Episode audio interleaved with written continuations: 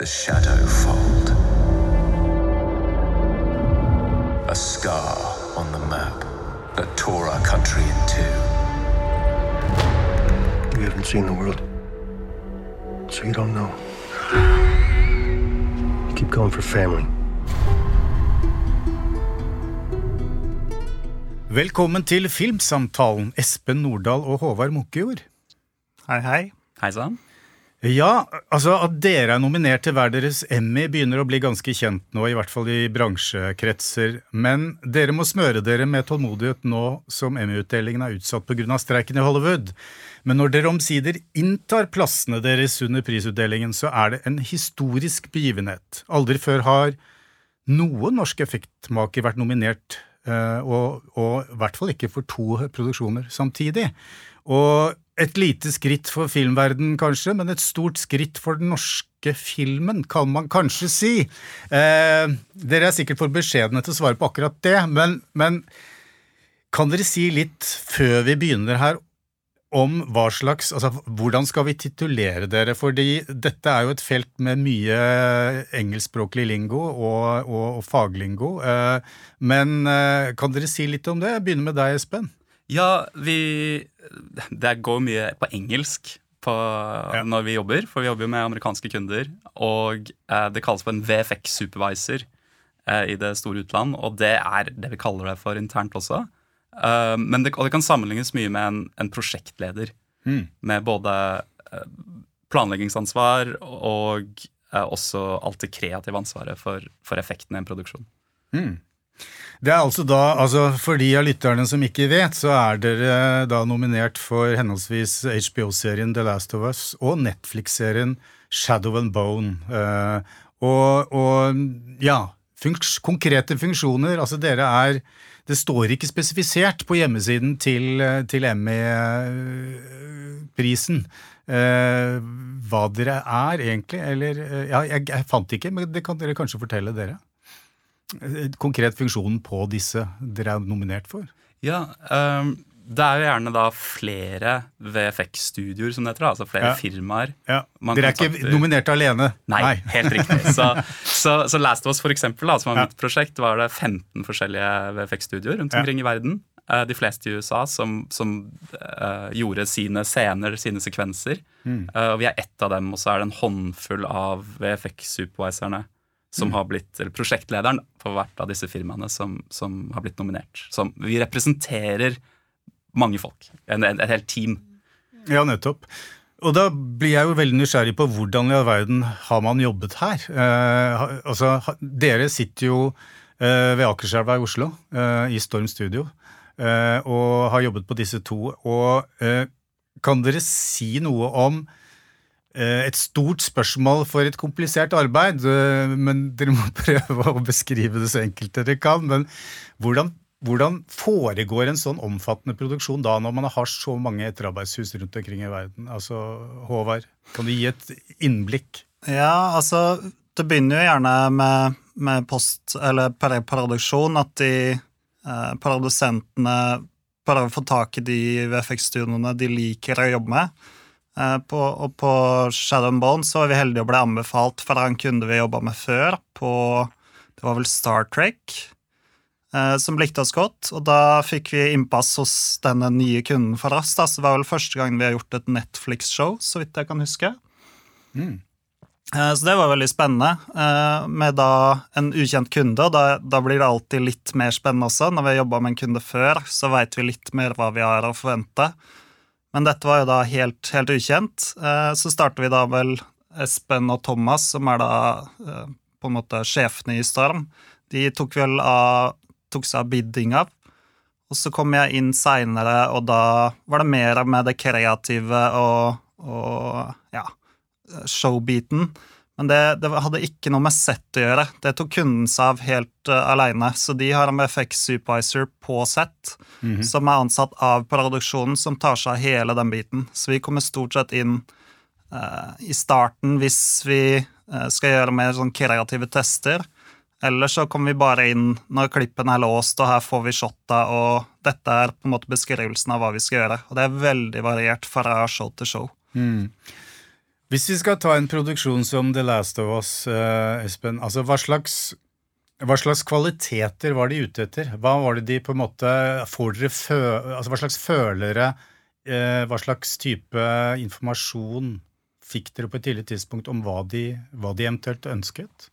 På Last of Us så var de ute etter uh, noen de, Vi kom faktisk inn som det aller første studio på Last of Us. De kontaktet oss lenge før innspilling for, fordi vi hadde gjort for, Det var også første gang vi jobbet med HBO.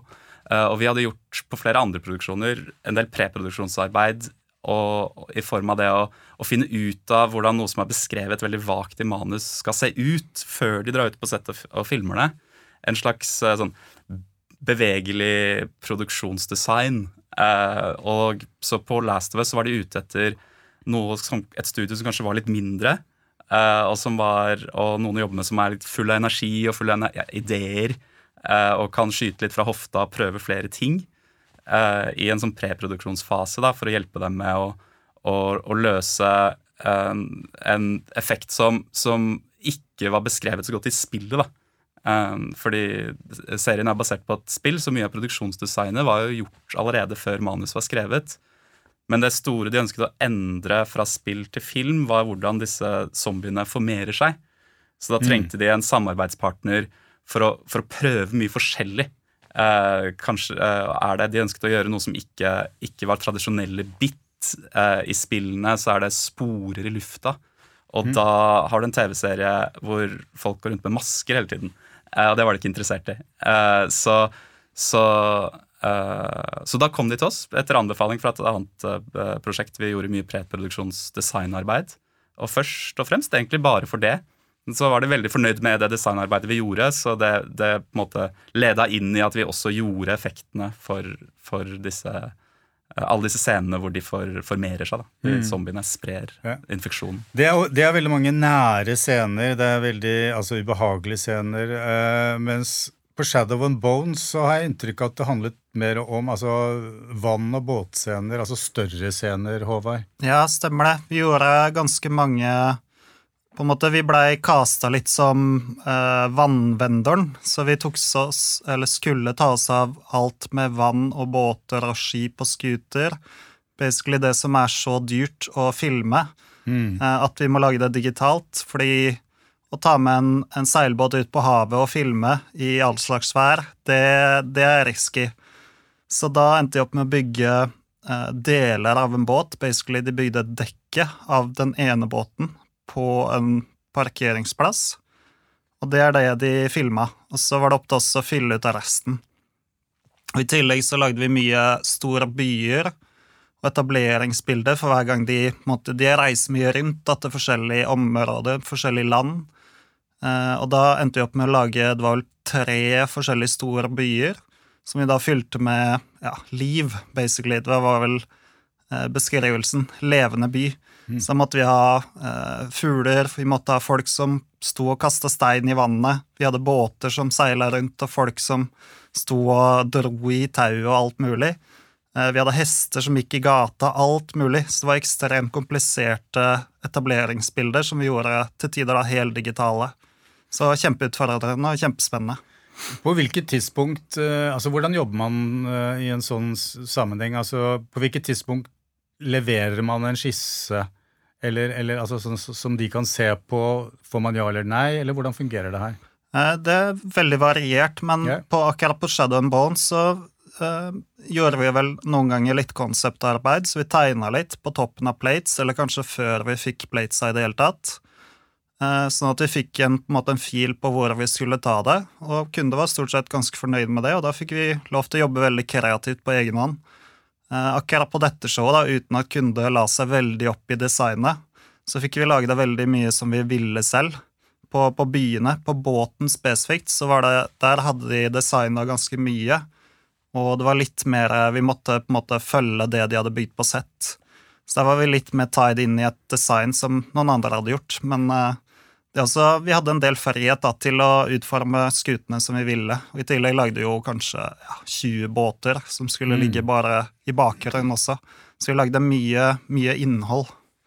Du berørte jo det litt nå, men altså, hva har på begge produksjoner vært de største utfordringene? Altså både i forhold til enkeltscener, eh, men også liksom, altså kommunikasjon med produksjonsledelsen. Altså hva er viktig, hva er essensielt, og hva går galt hvis ikke Hvilke ting bør være på plass for at det ikke, ikke skal gå galt?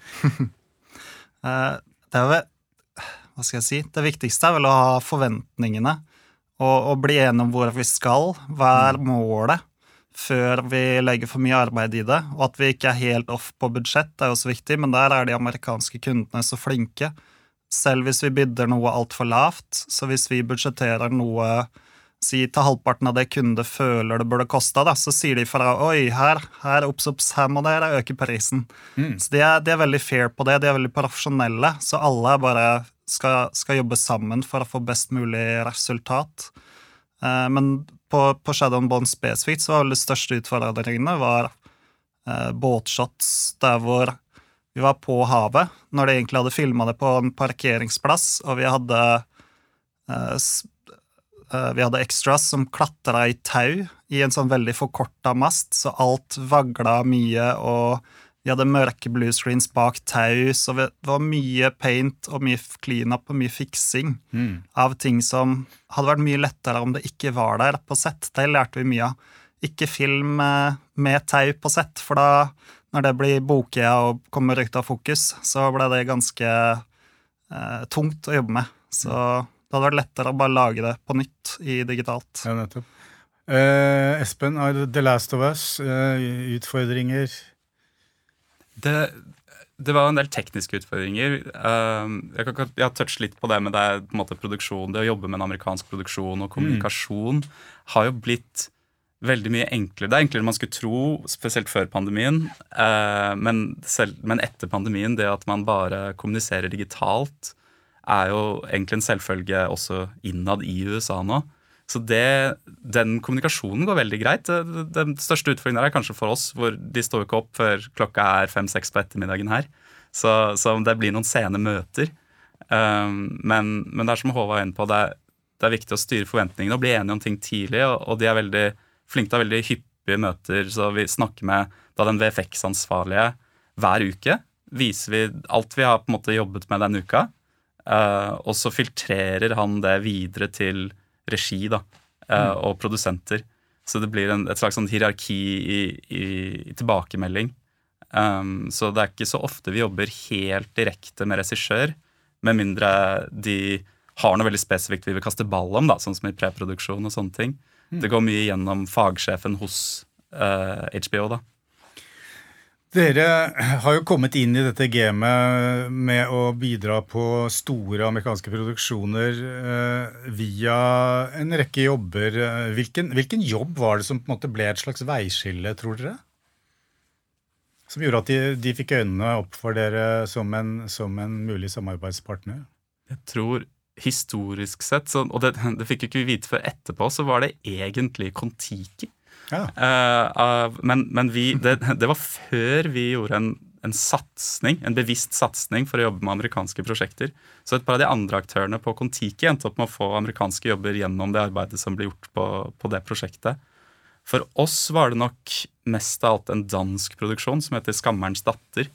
Uh, som vi, vi valgte å, og, Og du kan på en måte spore tilbake til at vi tok som sagt et, et bevisst valg da, om at i løpet av de neste fem-ti årene så vil vi eh, levere på de aller største amerikanske produksjonene. Så la oss, la oss, satse på kvalitet, la oss satse på å bygge team, og, og ikke være like opptatt av å tjene penger på hver bidige produksjon. Eh, sånn at vi over tid blir flinkere da, år etter år, ikke bruker så mye frilansere. Eh, og, og, ta inn ta inn kompetanse fra utlandet. da, eh, til å lære opp teamet internt. Og så, mm. og så vel, valgte vi da ut denne danske fantasyfilmen 'Skammerens datter' og putte ekstra mye energi og, og, og, um, og effort inn i det. Uh, og levere ekstra bra, og så ta den med til USA og vise fram. Se, vi kan også gjøre dette her. Nå er vi, nå er vi klare. Men altså, Hvordan er det det fungerer innenfor det feltet? her? Fordi Man sier jo gjerne i filmbransjen for øvrig at uh, du kan gjerne ha en lang track record, men du er liksom aldri bedre enn den siste du, produksjonen du var med på. Uh, hvordan fungerer det her? Altså Konkurransen internasjonalt er jo sikkert tøff? Både og. Ja. Vi er aldri fornøyd med, no, med, med noe. Og, og, vi føler alltid at vår siste produksjon er, liksom, du, du er alltid bare så god som det siste du har levert. Ja. Uh, men, men, liksom Håvard var inne på i sted, så, så jobber regissører og produsenter eh, med, med VFX-teams litt som de gjør med fotografer og produksjonsdesignere og, og, og andre fagsjefer. Da, at de har de, de castes da, eh, på et vis, og, mm. og de liker å gå til, de, til, det samme igjen og igjen, for da vet man hvordan kommunikasjonen flyter, og hva man kan forvente. Så, så det er en litt sånn uh, så, så, det var fryktelig vanskelig å, å, få foten innenfor dette her. da. Det holder ikke bare å være å være gode nok. Uh, og det er nesten ikke så nøye engang om du er veldig billig. Fordi de vil vite, det, det, det, meste av at de vil vite at du, at du, er fint med å jobbe med, i tillegg til disse andre tingene, og at, og at de kan stole på, på, det du sier og det du leverer. Så, så, det var vanskeligere enn vi trodde å komme inn. Uh, men når vi først er der, så, så har vi erfart at alle kundene våre de kommer tilbake. Og, vi, det, og vi, vi jobber med de samme kundene igjen og igjen. Så, så, um, så det har vært veldig um, Vi har nådd en, en, slags sånn Den snøballen har blitt veldig stor nå, da, hvor vi begynte, i begynnelsen bare gjorde ett amerikansk prosjekt i året, og resten var norske reklamefilmer, norske spillefilmer. Så, så, får vi nå tilbud om flere store prosjekter enn vi, enn vi har kapasitet til. Hva, hva, om dere skal se objektivt på det, noe som selvfølgelig er umulig, altså hva slags kvaliteter kan dere bidra med? Hva er det de, er det de ser i dere? Altså, jeg tenker at øh, at, at, norske eh, VFX-hus kan kanskje er vant til å få mye ut av mindre. Mindre i hvert fall enn det som er vanlig i en amerikansk setting, og at man dermed er nødt til å ikke sant, utnytte fantasien, kreativiteten. Eh, det tenker jeg, men det, men det er vel andre årsaker også, går jeg ut ifra? Ja, jeg spør meg selv hver dag. Eh, men eh, ja, du, du, har nok rett i at det, er, at, det no, at det, er, en god del av det. Jeg tror det En av de store fordelene vi har, er at vi er ganske små, selv om vi er relativt store i norsk skala. Så, så da har man en raskere sånn turnaround enn mm. en, en det de er vant med når du, når du snakker med et firma på 2000 ansatte og det blir, og det blir viskeleken ned til den som faktisk skal gjøre det kreative arbeidet, så er de de er på en måte nærmere metallet, som man sier på engelsk. Mm. Eh, og når man snakker med de som, når de kan snakke direkte med de som utfører det kreative arbeidet, da, så, så jeg, tror det, jeg tror smidighet eh, så, og, og, og, hvor raskt man kan Hvor godt man forstår oppgaven, og, og raskt man kan vise et resultat, tror jeg er mye av det. Og Uh, og også, tror jeg, en slags sånn den, den skandinaviske den ydmykheten uh, vet jeg ikke om er like vanlig i, i større uh, amerikanske organisasjoner. Men, men, den ydmykheten, da snakker vi ikke om beskjedenhet nødvendigvis, gjør vi det, eller? Nei, ikke nødvendigvis. Kanskje, kanskje en ærlighet er en, ja. er, en, er en, mer beskrivende del av det. At vi, vi prøver å ha en, en en dialog med kunde som er åpent og ærlig om hva vi mm. får til, hva vi ikke mm. får til. Hva vi ikke rekker når vi burde dra i håndbrekket. Uh, og, og, det opplever jeg i hvert fall selv, at vi får veldig mye positiv respons på. da. Uh, mm. men, men, mest av alt koker alt ned til kvaliteten på arbeidet til slutt, så klart. Ja, ja. Håvard, altså, når man da får et oppdrag og altså Det er jo stor fallhøyde forbundet med det. Man skal, man skal komme opp med noe spennende, og man har uh, en kort tidsfrist. Ja, kan du beskrive innspurt partene i de prosessene der? Altså, da, da, da går vel mye av, mesteparten av tiden til det? Ja, så vi, vi, pleier vel å jobbe kanskje litt annerledes enn noen av de større kundene. Vi bruker tida helt fra showet starter, og prøver å sende ting ofte og fort til kunde. Mm. Sånn at vi kan ha en feedback loop som er Ja, vi får mye feedback, da. Eh, sånn at alle blir fornøyd. Alle kan skyte inn og komme med innspill. Mens jeg har en følelse av, jeg vet ikke om det stemmer, i hvert fall ikke i alle tilfeller, men noen av de litt større studioene eh, sender ting litt seinere og putter kanskje flere hundre personer på et prosjekt, mens vi har et mye mindre team, så vi kan jobbe lenger med det. Og det tror jeg er en fordel for oss. Og da uh, finner vi gjerne fram til de største utfordringene tidlig og kan løse de tidlig i prosjektet.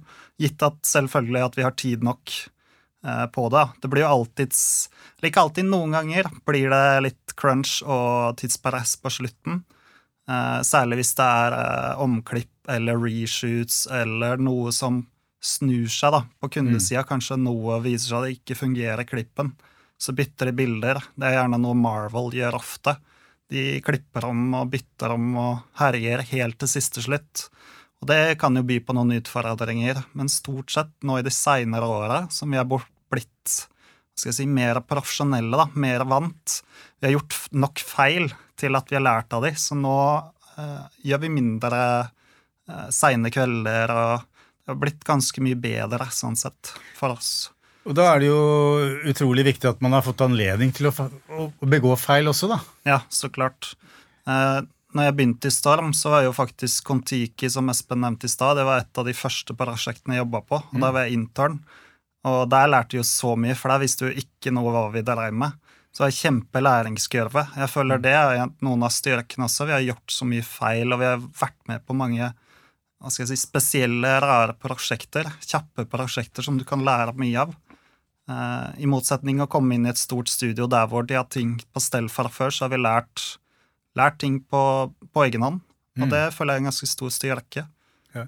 Hvordan, Espen, hvordan vil du beskrive altså arbeidsplassen deres, Storm Studio, altså nede ved Akerselva? Og det er få etterarbeidshus i Norge. Er, jeg har hatt inntrykk av at de få som har vært der, har på en måte bitt seg fast. Eh, det har vært veldig krevende i den vesle norske, nordiske filmdamen, men så har man jo da på en måte kommet seg mer ut og, og, og knyttet kontakter der. Men, men, eh, hvordan skal man beskrive det arbeidsmiljøet? Og, og kanskje sett i forhold til det norske VFX-miljøet også, som jo, hvis det går an å kalle det det norske. Eh, det er vel et internasjonalt tilsnitt der også, skulle jeg tro.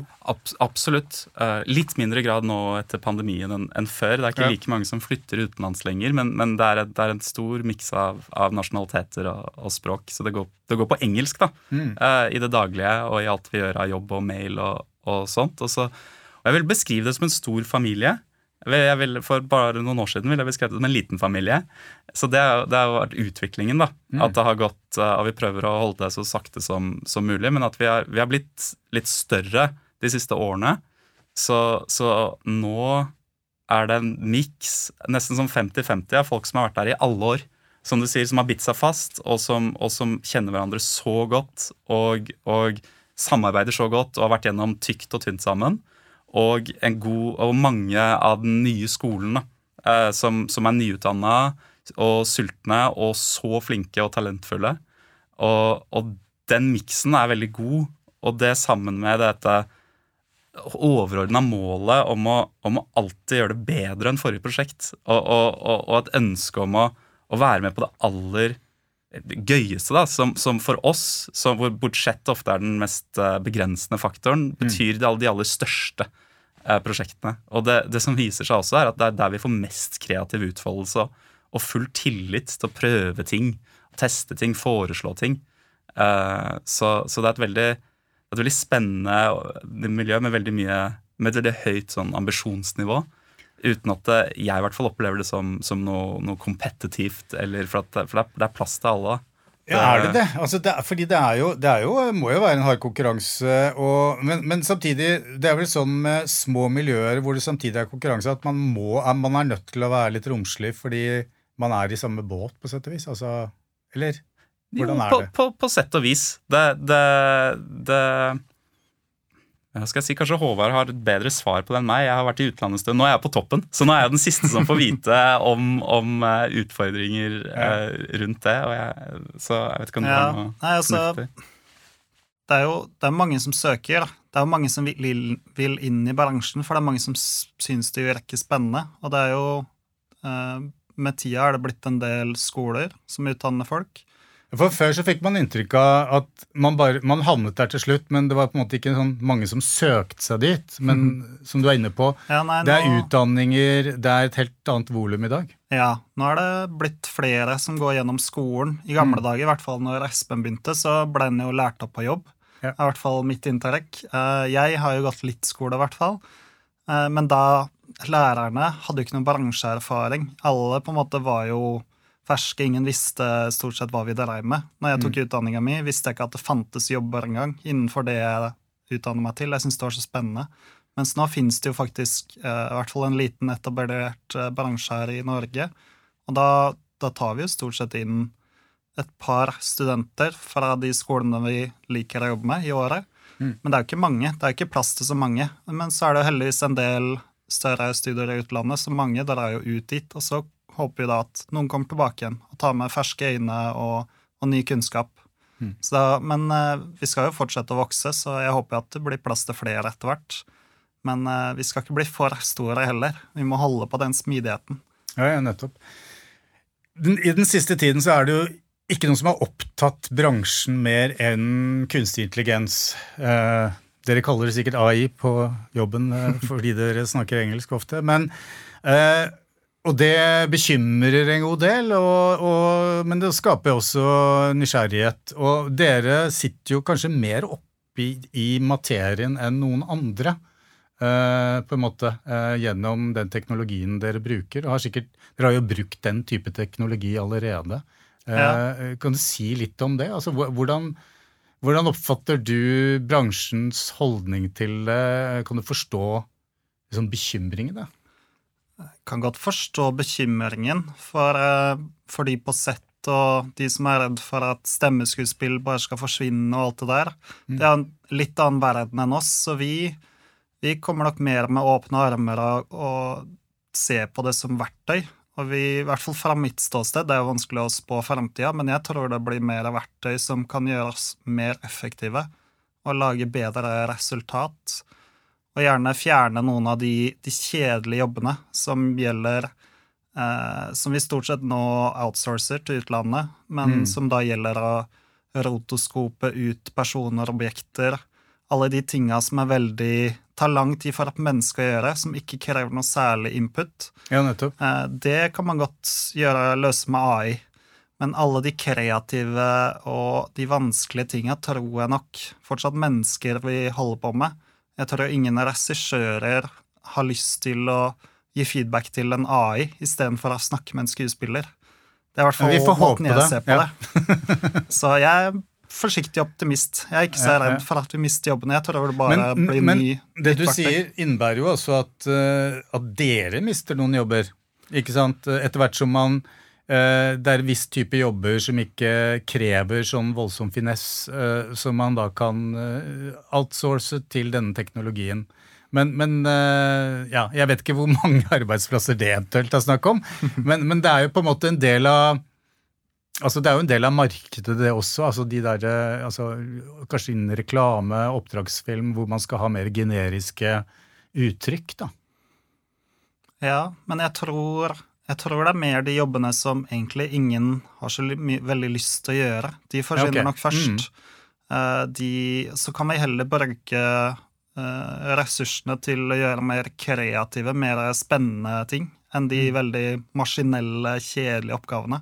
Det blir litt som å uh, Tåpelig analogi, kanskje, men å, å erstatte de som sitter i kassa, og bytte ut det med en automatkasse. Jeg Mm. tenker det er positivt. For det er ikke en jobb eh, jeg ville tenkt meg gjort, i hvert fall. Så jeg vet ikke. Det Men, det men hvordan er det dere diskuterer dere disse tingene på jobb? Altså, diskusjonen går jo der ute i medier og etc. i resten av bransjen, mens dere sitter der og har så veldig nærhet til, til materien her, da. Eh, men men det er, du beskriver det som en slags en relativt optimistisk tilnærming, da. Ja, jeg velger i hvert fall å se på det bare som et nytt verktøy i verktøykassa. Ja, ja. Eh, Jeg håper at det går den veien, eh, for jeg tror det vil ta i hvert fall lang tid. og eh, Det er jo en del begrensninger, men ja, igjen, det er vanskelig å spå hva som skjer. Men det nytter jo ikke å bli, bli veldig negativ og miste håpet. Man må bare gønne på og trua. trua. Vet dere hva, jeg er veldig fornøyd med filmsamtalen med dere, Espen Nordahl og Håvard Munkejord. Takk for at dere ble med. Og prisene, eh, altså, de, altså Utdelingen ble jo utsatt. Eh, jeg vet ikke om det er fastsatt en dato for eh, prisutdelingen nå? Er det det? Det er en midlertidig dato i midten av januar. tror jeg. Midten av januar, ja, nettopp.